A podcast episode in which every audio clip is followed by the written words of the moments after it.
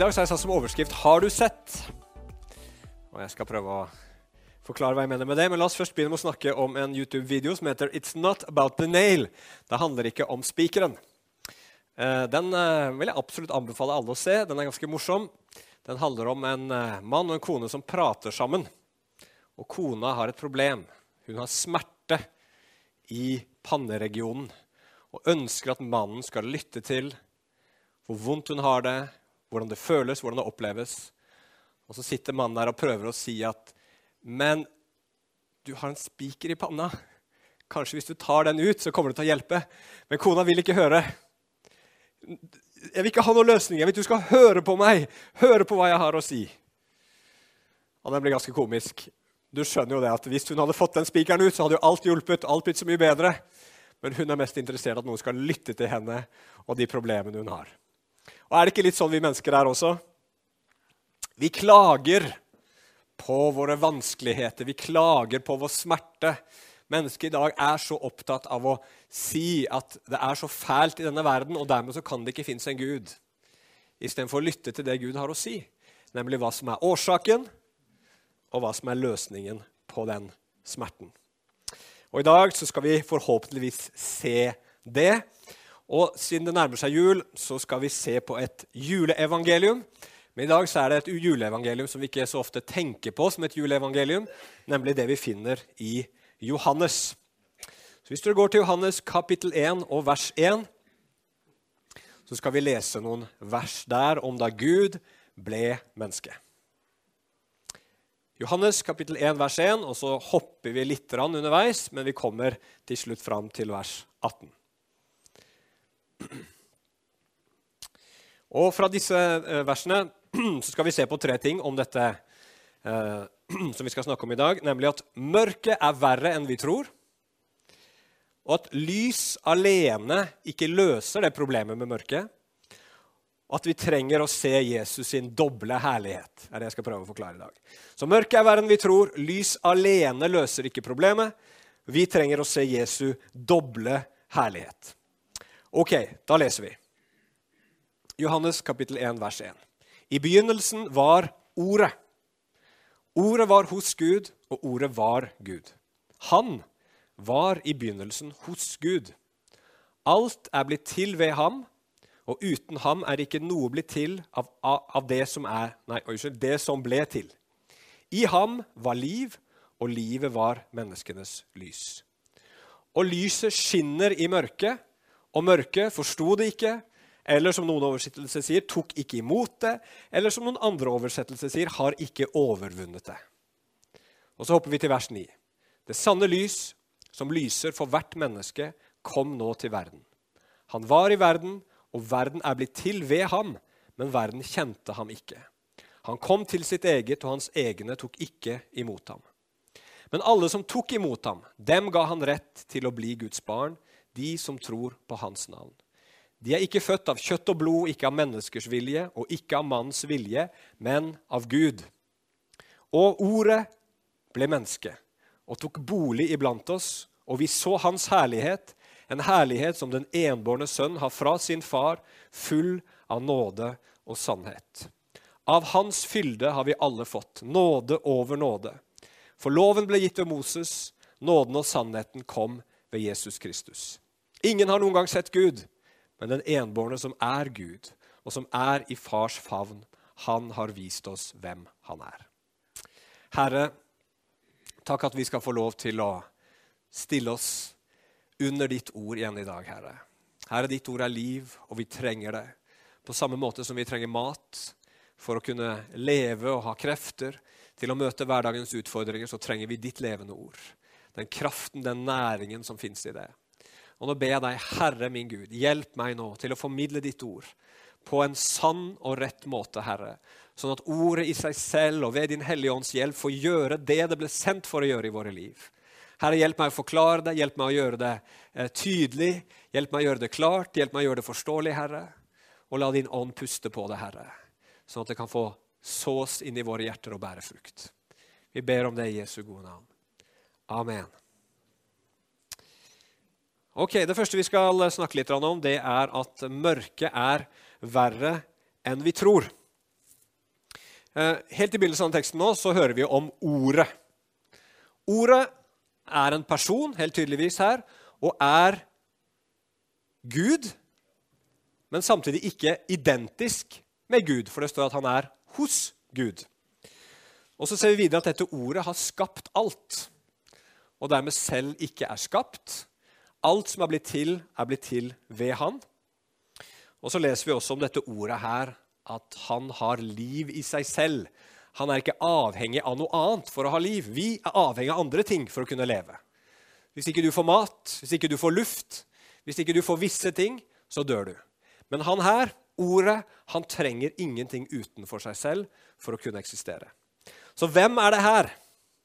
Og da er jo riktig svar på det det som alltid er riktig svar på søndagsskolen, nemlig Jesus. Guds sønn. Han er Gud, men han er ikke identisk med Faderen. Han er Sønnen. Han er fra evighet til evighet. Han er skaperen. Han har skapt alt ved seg selv. Verden er, som Bibelen sier, skapt av Gud ved Sønnen. Og så står det også at han lyser. Lyset skinner i mørket, står det.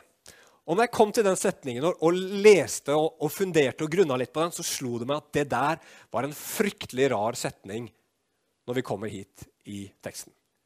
Lyset skinner i mørket. Og Det første som jeg syns var litt rart Eller jeg, jeg, vet jo at ikke det er rart fordi at jeg har lest Bibelen, men hvis du bare leser den teksten, så begynner du å lure på hvor i all verden kom det mørket fra. Vi snakker om Gud som skaper alt, og plutselig er det et mørke der. Og ikke nok med det. Hvorfor står det at lyset skinner i mørket, og ikke mørket i lyset?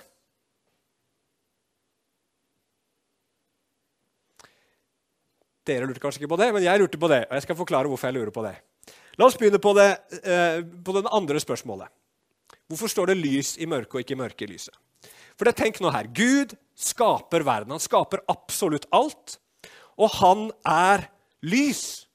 Så når han skaper verden, så må jo det være en verden full av lys. Må det ikke det, da? Men her hører vi om en verden som er full av mørke. Og så er det et lys som skinner. Altså, du kunne jo tenkt at Hvis mørket kom inn i denne verden, så ville det være litt sånn som på, på dagen her. Du kan finne mørke på en dag, på dagtid, men da må du inn i en hule eller inn i et, et rom ikke sant, hvor det ikke er vinduer. Der finner du mørket. Men det er lyset som dominerer. Mørket er bare sånne små rom som du må gå inn i. Men her er det akkurat motsatt. Her er det mørket som dominerer. Og lyset er sånn som vi kan se om natta. Du kan se månen, du kan se stjernene, du kan se gatelys. Men de dominerer ikke, de overvinner ikke på en måte det mørket. Mørket er det som dominerer. Og hvis det er sånn, så betyr det at denne verden her er mye mørkere enn vi tror. Det er faktisk en verden som ligger i det onde, som 1. Johannes sier. En verden som er dominert av mørket. Og Det høres litt rart ut. og vi kan tenke, Hæ? Altså, Det er jo mye galt og mye dumt i denne verden, men kan det være sånn at det er en verden som ligger i det onde, hvor mørket får dominere? Hvordan kan det ha seg når det ser ganske greit ut? Og Da skal jeg vise deg noen bilder. De bildene er anonymiserte, sånn at den som er tatt bilde av, ikke skal bli stilt i forlegenhet. Er du ikke glad for det, Nathaniel? Men så er spørsmålet her, da. Hvilke av disse bildene ble tatt først?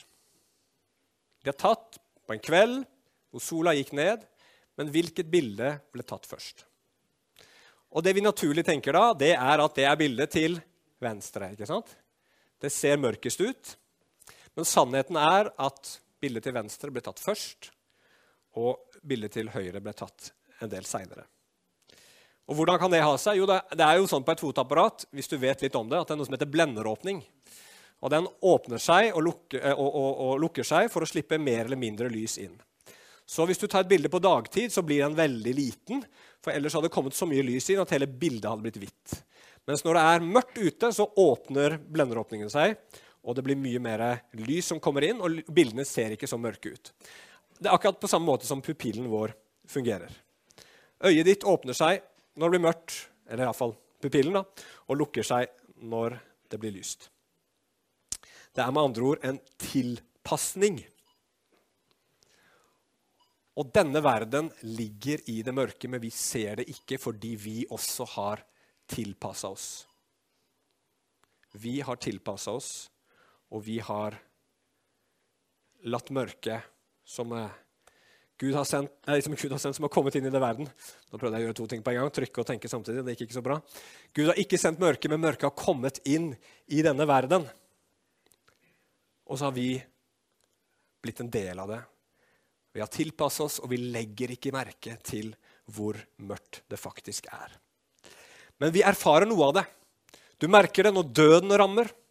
Når døden rammer spesielt før tiden, så merker du at det ligger et mørke i det.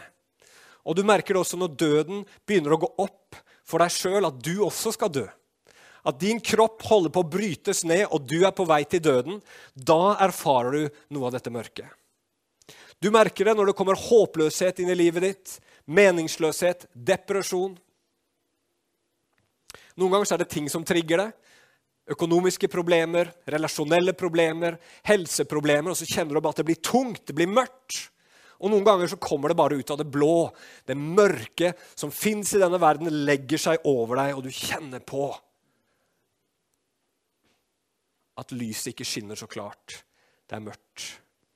Og så kan du se det mørket i andre mennesker. Du møter det gjennom andre menneskers egoisme. Du møter det når andre mennesker er hensynsløse. Du møter det når andre mennesker rett og slett er ondskapsfulle. Men hvis du ser godt etter, så kan du også se det i deg sjøl. Bitterhet, utilgivelse, selvopptatthet, nådeløshet. Og det rammer andre, og det rammer oss selv. Og hvor kommer dette mørket fra, da? Det dominerer, men hvor kommer det fra? Og Det som er litt skremmende og litt interessant, er at Bibelen sier at det mørket som fyller denne verden nå, med alt det som er ondt og vondt, den starta i ett eneste hjerte. En engel, skapt av Gud, til lyset, til det gode, valgte å vende seg bort fra Gud, og så kom det mørket inn i hjertet hans. Og derfra så har det spredd seg ut til andre engler og inn i oss mennesker og skaper så mye smerte, så mye lidelse i vår verden akkurat nå. Men vi har tilpassa oss det. Vi, vi merker noe av det, men samtidig så skjønner vi ikke hvor ille det er. Hadde du og jeg fått et glimt inn i lysets rike, sett hvordan det er, der hvor Gud er, hvor lyset skinner, og det ikke er noe mørke Og vi hadde kommet tilbake igjen inn i denne verden her før vi hadde fått tid til å liksom tilpasse blenderåpningen, så hadde vi sett hvor mørkt det er. Og hva er kuren? Hvordan kan man få lys inn i mørket, et lys som dominerer? Jo, det handler jo bare om å få nok lys.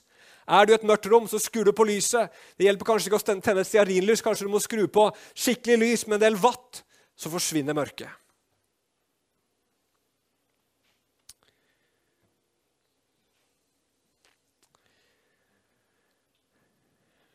Men problemet er at det lyset, det vil ikke vi ha noe med å gjøre.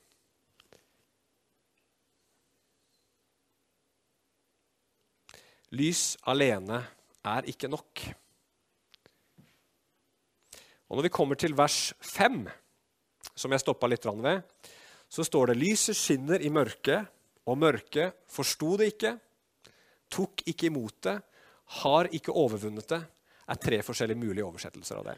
Og det er for Johannes han bruker et gresk ord her som vi kan oversette enkelt til norsk som å gripe. Å gripe kan bety mange forskjellige ting. Du griper noe med hodet ditt. ikke sant? Da forstår du du griper noe med hendene dine, da tar du imot.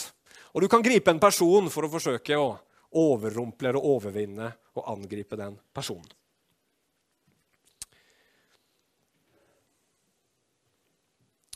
Og Gud, han er det lyset som skinner i mørket, og som vi ikke tar imot og ikke forstår. Og Nå må jeg ta en liten pause, så jeg husker hva notatene mine betyr. Skal vi bare ta en liten pause?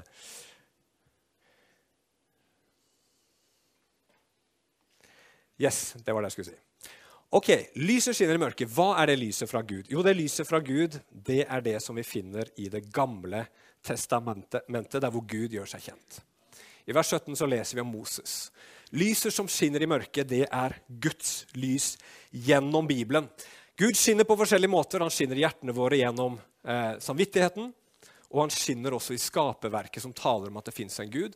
Men det klareste lyset menneskene hadde på Jesus sin tid, det var det lyset som skinte i Det gamle testamentet, hvor Gud hadde åpenbart seg. Og Der viser Gud hvem han er, og der viser han sine gode, sanne og rette veier. Og det lyset skinte i mørket, men mørket fortsatte å være der. Det jagde ikke mørket på flukt. Og hvorfor skjedde ikke det? Hvorfor jagde ikke Guds lys fra Det gamle testamentet mørket på flukt? Og det er for det første, som vi har sett, at, lys, at mørket ikke forstår lyset. Har dere hørt om Elon Musk her? Han hadde nettopp et uh, intervju. Uh, jeg vet ikke hvilken TV-kanal det var. Men han er en interessant fyr. For han, han, er ikke kristen, uh, og han ikke, tror ikke på Gud på noen måte heller. Men han er allikevel åpen for en del tanker som, som er interessante. Og en ting han sa i et intervju hvor han brukte mange ikke så fine ord, så de har jeg ikke tatt med, men han sa noe som jeg syns var veldig bra. Han forklarer hva han holder på med, hva som er hans prosjekt i verden. Han sier jeg sier at det jeg bryr meg om, er faktisk godhet, ikke det som ser ut som det. Og det jeg ser overalt, er mennesker som er opptatt av å se gode ut, mens de gjør ondt. Han sier jeg er opptatt av det som faktisk er godt. Men jeg ser at de aller fleste mennesker rundt meg, og han møter jo mange av de innflytelsesrike og mektige menneskene, han sier det de er mest opptatt av, det er det som ser godt ut. Men veldig ofte så gjør de det som ikke er godt. Jeg tror han har helt rett i det. Vi mennesker forstår ikke egentlig hva godhet og kjærlighet er for noe. Vi forveksler godhet og kjærlighet med det som føles godt og føles kjærlig. Så lenge jeg får applaus for det gode jeg gjør, så lenge det føles godt, så lenge jeg føler meg som en god person når jeg gjør det, da gjør jeg det.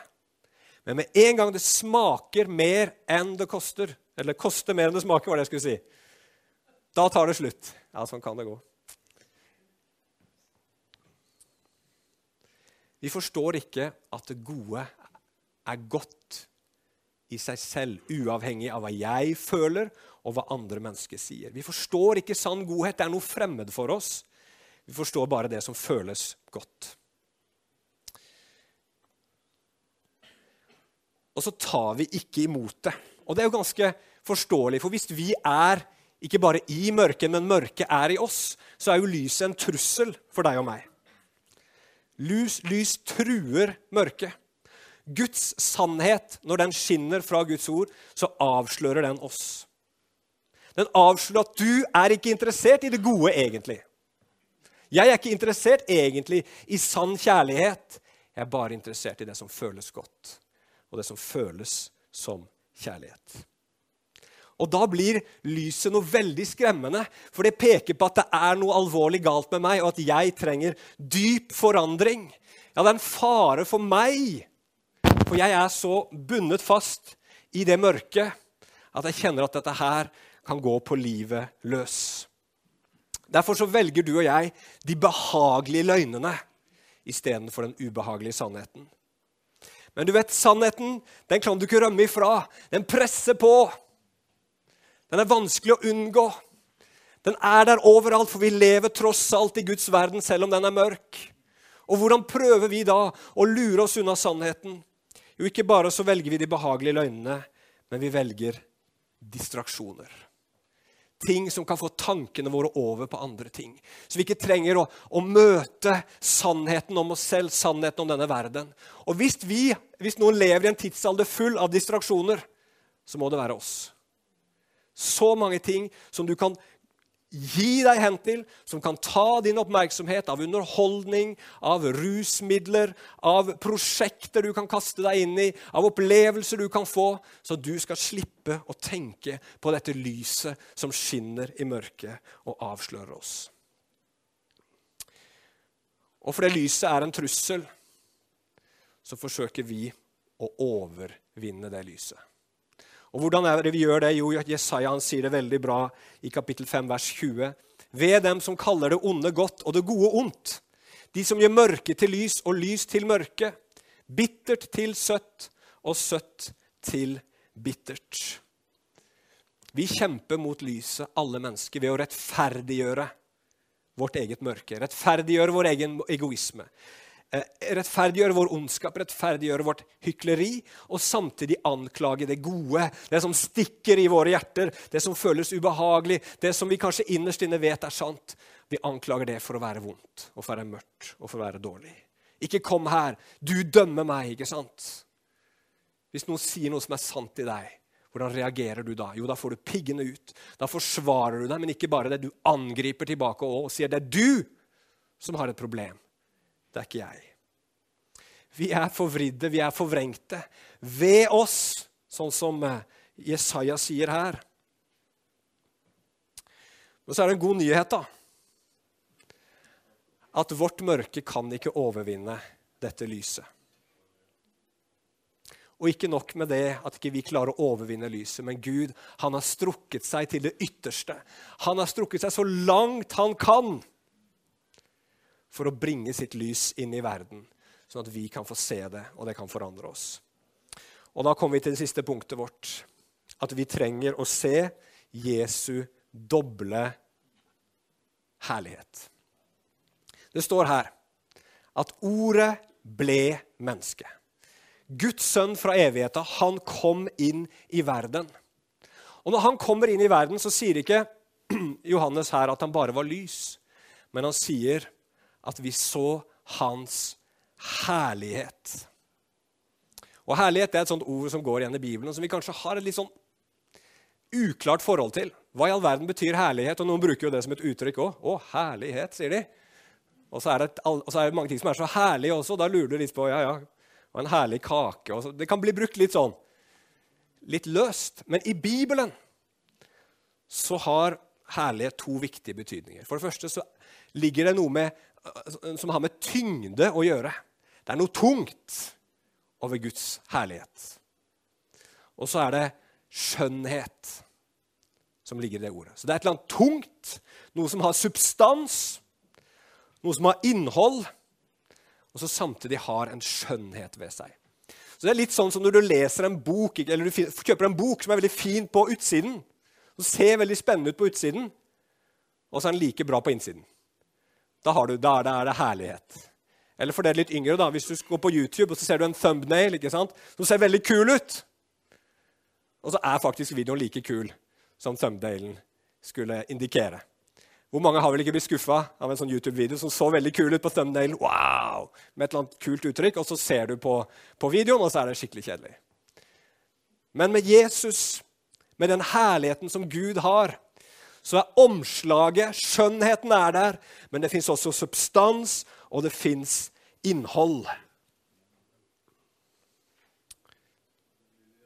Her fins det mer enn sannhetens lys, det som mørket frykter. Her fins det mer enn det vi leser i Moseloven. Her finner vi en som Bibelen sier er full av nåde og sannhet. Full av nåde og sannhet. Hva betyr det at Jesus var full av nåde og sannhet? Jeg synes En av de beste illustrasjonene på det er en historie som vi finner i Matteus kapittel 8, vers 1-4. Vi skal ikke lese den, jeg skal bare fortelle den. Og Der har Jesus vært oppå et fjell. Han har holdt bergprekenen. Han er på vei ned, og så møter han en spedalsk mann.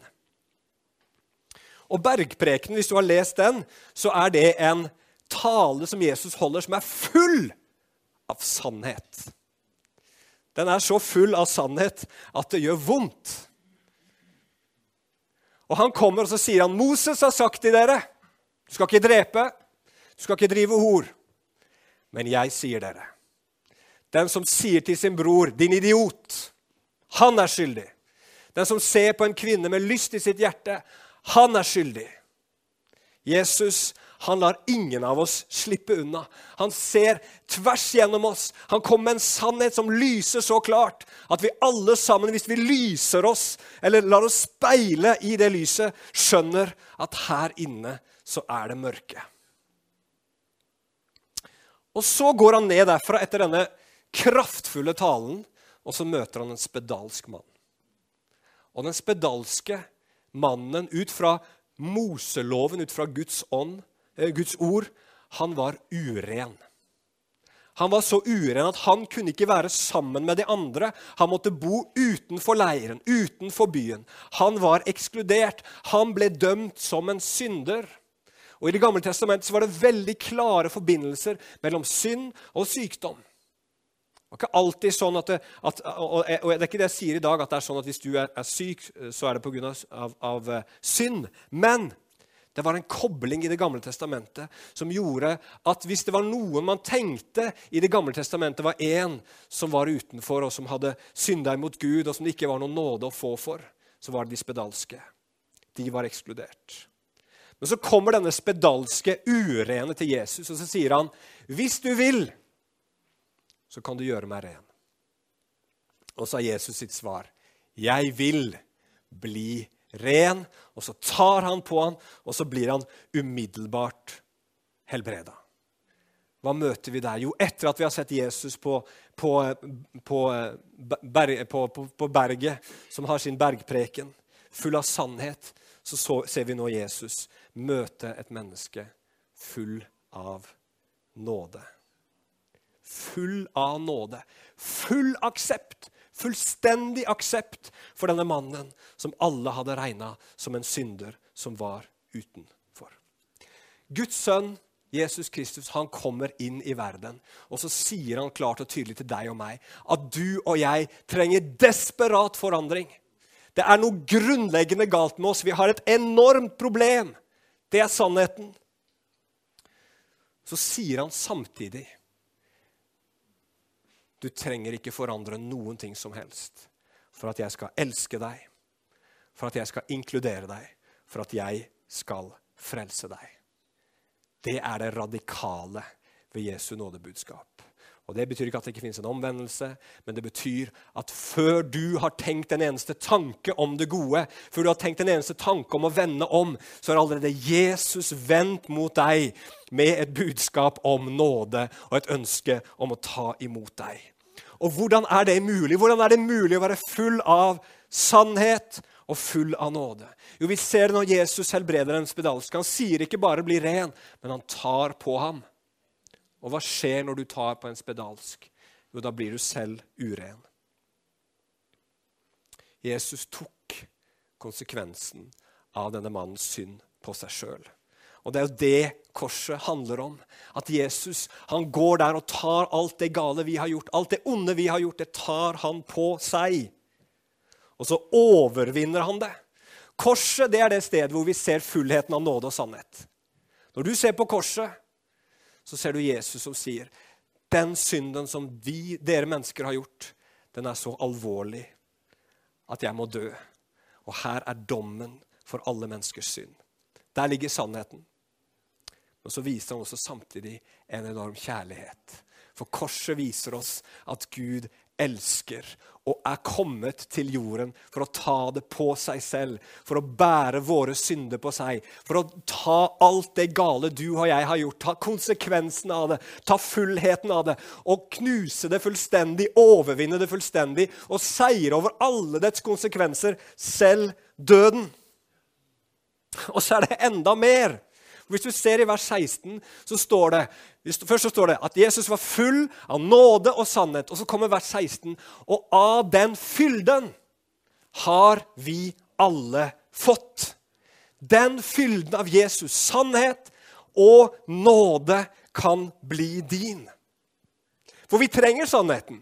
Vi trenger å høre sannheten om hvem vi er. Vi trenger å høre sannheten om at ikke alt er som det skal, for at vi skal kunne bli forandra. Men hvis du allerede har møtt Jesu nåde, at du er fullt ut akseptert, elska og tilgitt, så blir ikke lenger hans lys en trussel. For du er ikke lenger mørke, men du er lys. Når Jesus har kommet inn, så er du lys, og for lyset så er lyset ingen trussel. Og så står det i vers 12, og det er jo helt utrolig hva som står her, at du blir et Guds barn. Du blir født av Gud. Du får møte Gud på en sånn måte. Jesus åpenbarer for oss hvem Gud er. En Gud som sier sannheten, den som vi så trenger å høre men som så ubeskrivelig stort tar imot hver eneste en av oss når vi setter vår lit til Han. Og Vers 12 sier at vi blir Guds barn når vi tar imot Han og tror på Hans navn. Det alle mennesker trenger å gjøre, det vi trenger å gjøre, det er å se nøye på Jesus. Og der ligger utfordringen. Der ligger utfordringen til de som ikke tror har du sett nøye på Jesus, som er full av nåde og sannhet. Så mange mennesker rømmer fra Jesus, men det er for at de ikke har sett godt nok etter. Og du og jeg også som kristne. Kan vi ikke være sånn noen ganger vi også at vi rømmer litt fra Jesus? Vi rømmer fra Jesus når vi ikke føler vi får livene våre helt til. Når det blir vanskelig å, å liksom leve opp til den standarden vi vet vi skal leve opp til. Så rømmer vi. Så går vi også inn i distraksjonene. Men vi må bare se nøyere. Vi må løpe til Jesus og se klart og tydelig på han. Se på hans doble herlighet. Full av nåde og sannhet. Og så får du lov til å ta, mot, ta imot den i hjertet. Og så blir du bare mer og mer forvandla. Skal du bli et bedre menneske, og jeg bli et bedre menneske, for det trenger vi alle sammen, ikke for å bli akseptert av Gud og for å komme inn i hans rike, men fordi at vi ønsker å ligne mer på Jesus. Og fordi denne verden trenger det, og fordi en ektefelle trenger et forandra menneske, så må vi se på Jesus full av nåde og sannhet. Og Jesus han er løsningen på at det mørket som er i verden, skal forsvinne. Det begynte, Mørket begynte med ett hjerte, men lyset også begynner med ett hjerte. Mørket tok over hjerter men lyset tar også over hjerter. Det som er utfordringen nå når vi går inn i jula, det er å se på Jesus. Det er å tenke på hvorfor Gud ble menneske. Jo, han ble menneske for at du skulle få se hvem Gud er, på en måte som skulle forandre og forvandle deg. Amen. Amen. Skal vi be til slutt? Kjære himmelske Far.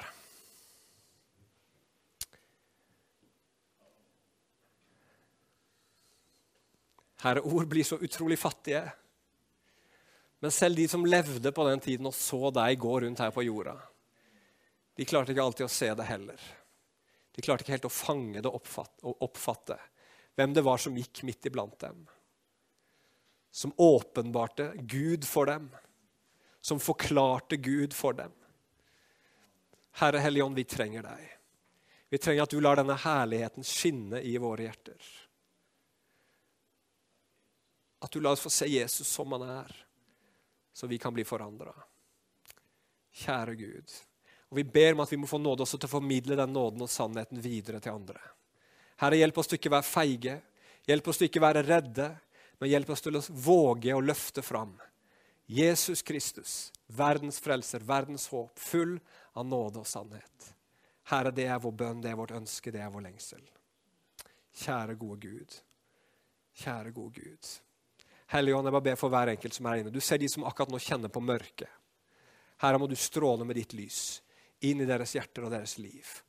Håpets lys, Herre. La det komme til dem, møte dem og fornye dem, Herre.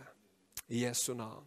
Må du la den som bare føler deg lys og alt er godt, bare bli minna på at vi lever i en verden hvor det er mørke, så vi ikke blir lurt og forført og glemmer å se på deg, glemmer å søke deg, glemmer å søke din hjelp. Her må du komme til oss nå med din ånd og gi oss det vi trenger. I Jesu navn vi ber. Amen.